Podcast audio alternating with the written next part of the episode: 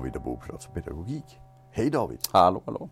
Hej. Hej! Jag tänkte vi skulle snacka lite om ett sånt där litet uttalande som jag ibland använder som jag har snott från Mm. någon som heter Petra Björne. Och det Just. är, hon säger så här att eh, det vi sysslar med i skola, vård och omsorg det är väldigt många olika saker.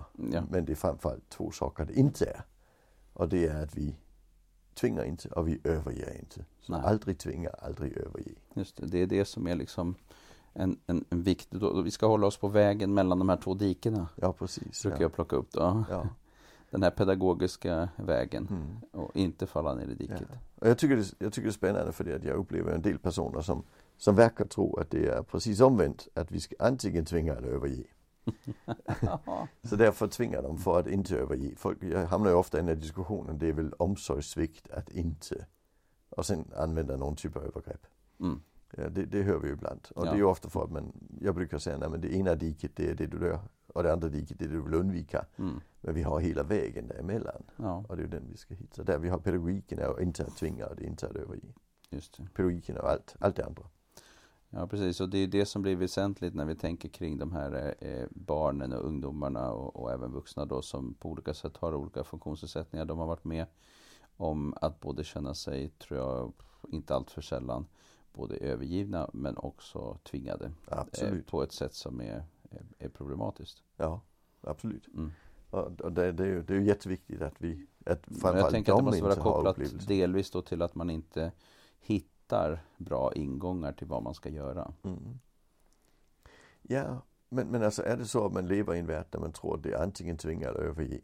Nej, men jag bara letar man tänker att... letar man ju inte efter de metoderna. Jo, men om vi tittar uppfostringsmässigt så kan vi ju se på, på det också att vi har laissez-faire på ena änden, det är ett dike. Mm. Alltså helt fri uppfostran, inga krav, ingenting, inga gränser, ingenting. Sånt, eh, eh, det, det blir inget bra. Det är ju liksom det ena diket och det andra diket är ju då väldigt auktoritär hållning Mm. eh, där, där man liksom pekar med hela handen, sätter upp gränser överallt och, eh, och inte egentligen lyssnar till individen. Och det är också två diken. Och eh, Mm. då kan man säga att den här auktoritativa hållningen som man som Ja. eh, Baumrind och Ja, andra du Baumrind, ja, pratar om eh, är den här stora vägen på mitten där, Ja. där de flesta oftast är. Men, men, eh, eh, men det finns en tendens till att vissa rör sig mot auktoritära diket och andra rör sig mot eh, låt gå-diket. Ja, Det alltså, finns jag- en parallellitet där tänker jag. Ja, jag, bruk, jag brukar kritisera Baumrind lite grann. För det, Ja, det, det är väldigt, väldigt, så gam, enkelt. ja, det är väldigt, väldigt gammal forskning också. Ja, det är det. Och sen så från är det ju... 60-talet. Ja. Ja, precis. Och sen har det ju hänt Eh, något. Alltså, och det är mer men- komplext. Det Ja, framförallt det. Och, och det hon sa det var att vi ska vara mitt emellan överge och tvinga. Mm. Ja. Och det betyder överge ibland och tvinga ibland kan det ju tolkas Ja, som. det skulle det kunna vara. Men Ja, man skulle också kunna säga att det är en tredje väg. Ja, som handlar om det här auktoritativa som vi ändå pratar om. Men det är ändå Ja, mer komplext. Men, men där har vi ju några stycken som har varit väldigt, väldigt duktiga på att hitta den här tredje vägen. Ja, Och Golnick har vi ju pratat om förut. det. Och hon Mm. säger ju att nej men, men alltså tvinga och överge det är, det är ju kontroll på ena sidan med full struktur. Det Mm. tvinga. mm, Och sen autonomistöd utan struktur, det är överge. mm, Men hon säger vi kan också göra autonomistöd med struktur. ja, Så, så, så det är egentligen, alltså hon gör det till två faktorer. mm, Och där har vi ju till och med Ellen Skinner, hon gör det till fyra faktorer. Mm, För hon säger i viss mån så tvingar vi ibland. mm, Och i viss mån har vi autonomistöd. Och ibland och i viss mån har vi kaos och i viss mån har vi struktur. mm. Och det, det blir lite svårt att förstå när vi kommer på Ja, men nivå. grejen är den att när vi tittar på olika situationer då, då skulle vi kunna säga när föräldrarna har bråttom på morgonen och ska gå till förskolan, skolan Mm. och eh, det blir jobbigt för barnen kommer inte liksom, ja men det blir en stressig situation. Och man liksom pekar med hela handen och säger nej nu gör vi det här, kom här nu, nej nu får det räcka. Och så liksom Det kommer kanske då- bli 60% tvinga. Ja, men då, då finns det ju det finns ju tvingarmoment med, men det finns också en auktoritär hållning så att säga i det hela. Alltså, nu går Medan något, vid något annat tillfälle så, så, så en söndag, man ska iväg, det är inte så bråttom, man ska liksom gå till parken. Så har man en annan hållning och då kanske man också eh, har mera tid att låta barnen sätta på sig kläderna själva. och Det, det är ju liksom- Skinners tanke. Hon säger att alltså, du, kan, du kan ha en autonomistödjande, vad ska vi kalla det, avsikt. Mm, Men du kan ändå ha 60% tvinga och 100% autonomistöd samtidigt. För det är två olika faktorer. Ja. Medan Baumrind hon sa ju nej det är en Ja, nej, Och det kom ju kritik ganska snabbt på hennes Baumrinds forskning också, att den var för eh, enkel. Jag läser ju folk som fortfarande tror att det är top of the line forskning. Eh, Ja, det är ju ett dilemma. Ja, David Eberhard skrev, skrev, det, skrev det nyligen någonstans. Ja. Att, att han, det var, visste ju forskaren, det var så det var. Och, det är ju väldigt, väldigt gammalt. Så det ska ju kompliceras lite grann. Nej, ja, det måste... Men jag tycker det är lite spännande Skinner. Men Skinner tycker jag ju är jättespännande. Det ska vi ju säga Ellen Skinner, inte, Ellen Skinner, inte den gamla. eh, Behavioristen. nej.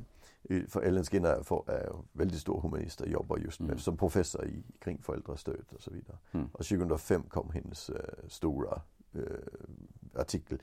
Där det hon gjorde för att hitta de här faktorerna det var att hon tittade ganska in på alla de studierna som hade gjorts på föräldrastil från Baumrind och fram efter. Mm. Och sen gjorde hon en faktaanalys på alla de Mm. studierna. Och då fick hon fram, eh, De här fyra variablerna. jag fick sex faktiskt. Hon har också Mm. en, en som heter, jag tror det är kyla och värme. Okej. Ja, för hon säger vi använder ju också kylan som metod Ja, ibland. avståndstagande kontra ja, kon, eh, kontra ett varmt förhållningssätt. Ja precis. Alltså och du, du kan nära. ju vilja vara väldigt varm. Mm. Men när du, när du sen plötsligt blir lite auktoritär, lite stru- kontrollorienterad. Där lägger du ändå lite kyla i. Ja. Och hon, och hon, lägger in, hon, hon är ju lite rolig där för hon lägger inga, inga, avsikt, hon har inga åsikter. Nej, inga värderingar i det. Nej, hon, det nej, medan Grolnik säger ju att vi ska vara varma, vi ska vara engagerade, Mm. vi ska vara strukturerade, vi ska vara autonomistödjande. Det är Mm. bäst. Mm. Där säger Skinner att ja men det är nog så att jo, det, det är det vi gärna vill vara. Men i praxis så klockan fem minuter över sju på morgonen så. Kanske vi lägger till lite kyla, lägger Mm. till lite kontroll och, Ja. och, och, och sen, sen är det inte säkert att det hjälper men vi gör det. För hon Mm. säger att det är så människan funkar. Mm. Det är det hon är intresserad av. Hon tittar väl då kanske mer eh, alltså, observerande på vad som händer. Mhm. Medan då Grolnik, som du beskriver det, är mera eh, riktande i vad som är bra och vad som inte är bra. Är så? Skolnik har forskat på effekterna Mm. medan Skinner forskar på hur, hur ser det ut. Ja, precis. Mer observerande. Alltså jag menar mera faktiskt. Hur ser det ut? Ja precis, men Skolnik är intresserad i varför Mm. får vi den bästa fostran. Ja, just det. Medan man kan säga att Skinner säger hur fostrar vi. Så, Ja, så det, det är mm, två ja. helt olika Ja, uppdrag. den ena är mer deskriptiv och den andra har Ja. en annan riktning. Ja, precis. Precis. Men det är ganska spännande för jag, jag känner ju att jag har alltid använt den här aldrig tvinga, aldrig överge sen jag hörde Petra Björne säga det första Mhm. gången. Eh, och, och jag har aldrig funderat på att det egentligen är en Baumrind tanke, om så skulle man kunna säga det. Ja, ja. Mm. Men, men, men, Att den är förenklad. ja, Ja. För, för jag, men jag tänker ju att, jag tänker ju det tredje, det tredje spåret. Mm. Alltså pedagogiken är mitt emellan. Ja, alltså. Det, Ja. Eller det är inte mitt emellan, det är det tredje spåret Mm. egentligen. Det, det, alltså, Det är intressant om- om- också om man tittar på skolan, för skolan i sig har ju en väldigt, väldigt auktoritär eh, sida och det är ju Mm. att det är skolplikt. Ja. Alltså det är ju Mm. utan pardon skolplikt. Eh, och det betyder ju att eh, där kan man ju säga att staten tvingar barn till skolan. Ja, Eh, punkt slut. Eh, och då får vi ju en krock ibland när vi till exempel pratar om de här eleverna som eh, ja, av olika skäl då inte går till skolan.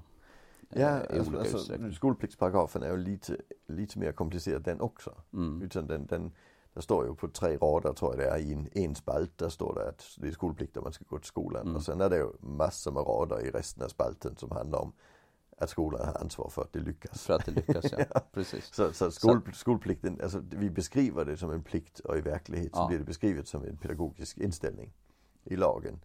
Eh, Men, men jag, jag förstår hur du säger att vi, vi går in och gör den, alltså det där jag tror det ställer till det. Ja, jag tror Det att ju det ställer till det ibland när man börjar titta på metoderna. Ja, att för det när läraren tar det som en plikt, Mm, som en tvång, Mm. då kommer läraren ju bara fortsätta tvånget och säga att du ska till skolan. mm. Och det ser vi ju rektorer också Ja. som säger här, Och de skickar debattörer. kommuner som skickar, Ja. ja men låter familjer betala vite. Och det har vi Ja. ju inte sett så mycket positiva resultat utav precis. Nej, det verkar ju inte funka. Nej, det verkar inte funka alls. utan det blir ju bara mer och mer. Det blir värre. Ja. Eh, Och det är ju det är ju ett sätt att, att bli av med ansvaret Mm. istället. Och, och det är det jag tänker, alltså jag tänker ju att, att tvånget, det funkar inte. För tvånget är ju, det kommer ju alltid innebära att man känner sig liten och man känner sig åsedd. Det är ingen växt i Mm. det och vi vill ju att barn ska växa. Och övergivandet, det, det handlar ju om att vi tror att folk klarar sig på egen hand. Mm. Och, och då hade vi aldrig behövt utbilda en lärare. Nej precis, då kan man, vem som helst ställa sig upp och vara lärare. Och det Ja, ju inte. men, men var det bara tvång vi sysslar med hade vi inte heller behövt utbilda en lärare. kunde vara väktare Ja, på alltså, förskolorna. vem som helst kan ju säga nu ska du sätta dig ner, nu ska du göra matte. Mm.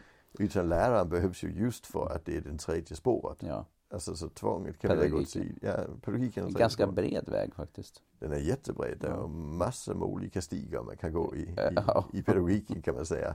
Så jag nästan säga ett fullt landskap mellan de här två dikena. Mm, snarare. Ja.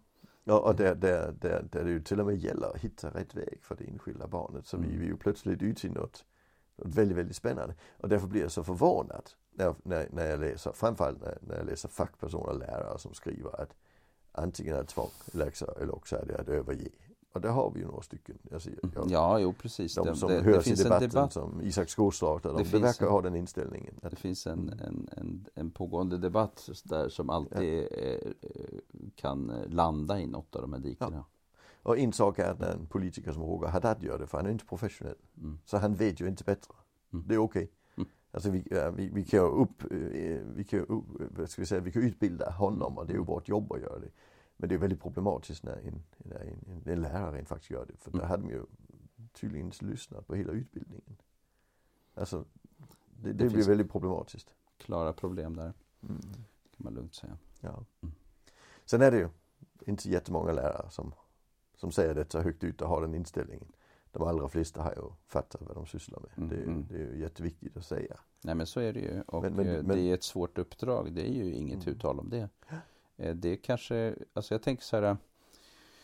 Att få människor att frivilligt göra alla de saker som står i läroplaner eller Mm. alla de saker som är relaterade till lärande och utveckling eh, på frivillig basis med glädje.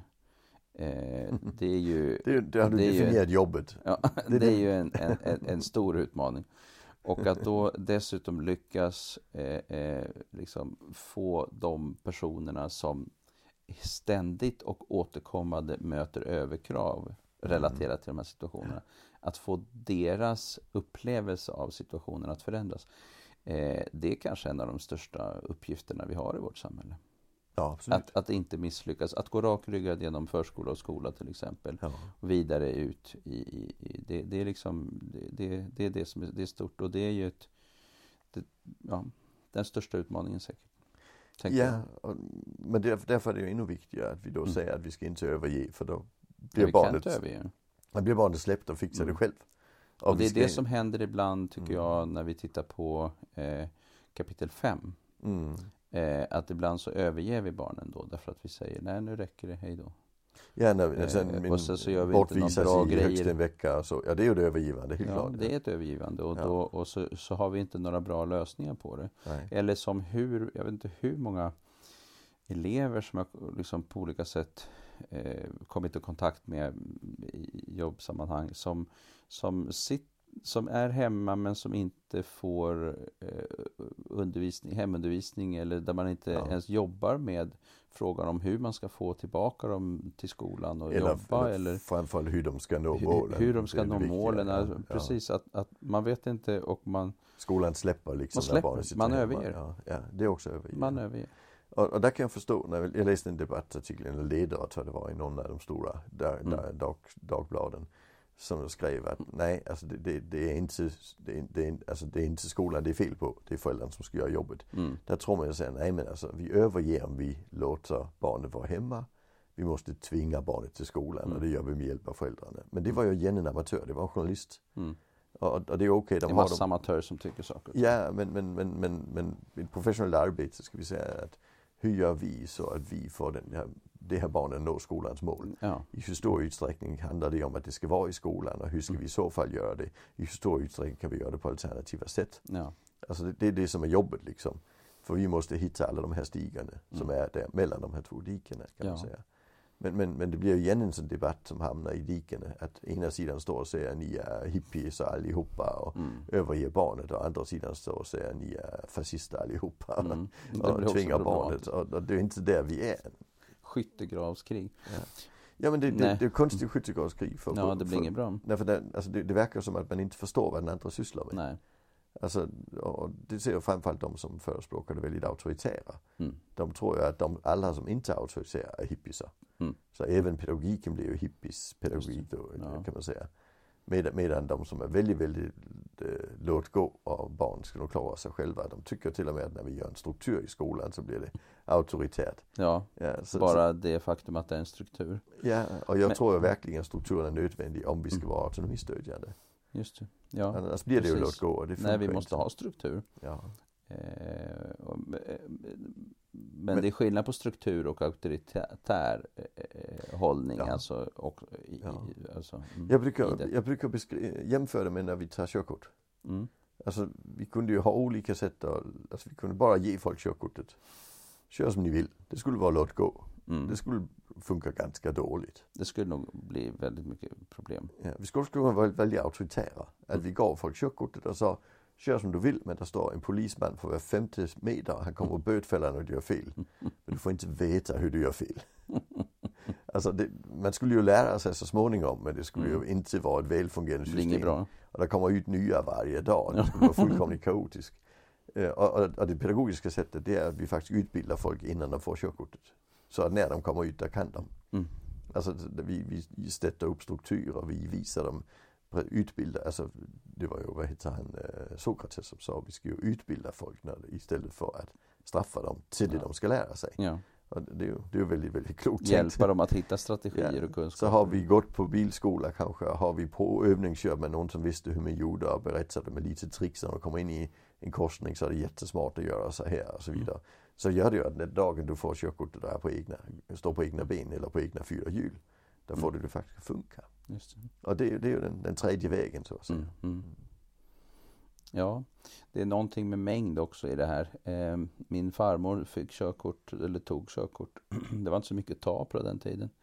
Eh, hon var född 1908. Hon, eh, de bad fröken Britta köra lite framåt och sen lite bakåt och sen fick hon det. Mm. Det var ungefär på den nivån. Ja, Men det var inte så många som körde då heller. Nej. Och sen så Ja, men- men har det förändrats och och jag tänker att samhället reagerar Mm. eh, med, eh, ibland när det är någonting som sker i liten skala först så är det inte så reglerat och sen efter ett tag så måste man reglera upp saker och ting. Ja.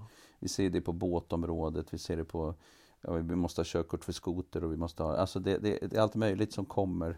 Fiske, Ja, då måste vi ha fiske, ja. Ja, precis. Så, att, så, så fort det liksom Mm. börjar urarta lite grann då behöver man regla upp det och sen så, Mm. och, och då blir det massa olika formala, formella lösningar på det. Precis.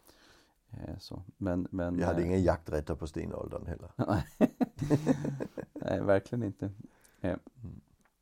Eh, Men eh, eh, det här med diken och ehm, eh, är intressant vilka diken man, man kan hamna i. Och då om vi tittar på eh, en sak som kanske är lite hoppfull är att det, det har kommit flera böcker om vi tittar på det här med, med elever med lång problematisk skolfrånvaro. Ja. Eh, det har kommit flera böcker nu som, som jobbar med den här frågan. Som beskriver det här eh, eh, fenomen, hur, hur, framförallt hur man kan jobba. Mm. Och de är ganska samkörda i den bemärkelsen att det här är komplexa saker. Det är ingenting Ja. som man löser med enkla lösningar med... eh, Vi kan säga att de, de böcker som kommit senaste året, det är några Ja, stycken, jag menar där, några där, har de blivit mer komplexa. För de första som kom var ganska enkla. Nej, jag tänkte på de som Ja. har kommit nu de här två, Mm. ett och ett halvt, ett åren kanske. Ja, precis. Någonting sånt. Eh, och det är ju väldigt eh, hoppfullt tänker jag också om, om man nu sen också börjar jobba med frågorna i, Ja. i olika kommuner. I- För det är komplexa frågor och vi kan inte bara ja, men bötfälla någon för att deras barn inte kommer till skolan. Det är inte det som är lösningen. Ja, jag Mm. är väldigt tacksam för DN som har gjort en, en väldigt, väldigt fin artikelserie om det också. Som Mm. verkligen visar att det inte är så enkelt. Nej. För, det, för det, det är det är igen när journalister går igång, där vet man aldrig om de fångar upp alltihop ju. Men, men det tycker jag är- Nej, ibland så kör man också in i diken. helt Ja enkelt. precis, men, det, men det, det har varit väldigt, väldigt bra tycker Mm, jag. Och mm. det, de har många historier där de har pratat med föräldrarna och med barnen och sagt vad är det som är svårt. Mhm. Och det är det vi behöver alltså göra det, att säga men, men varför kommer inte barn till skolan? Vad är det som är svårt i skolan? Ja. Mm. Hur ska vi få det, saker och ting att funka? Mm. Liksom? Mm. Och det, det, det är ju sättet. Mm. ja, Yes, vi eh, avrundar där. det gör vi. Tack för idag. Tack för idag.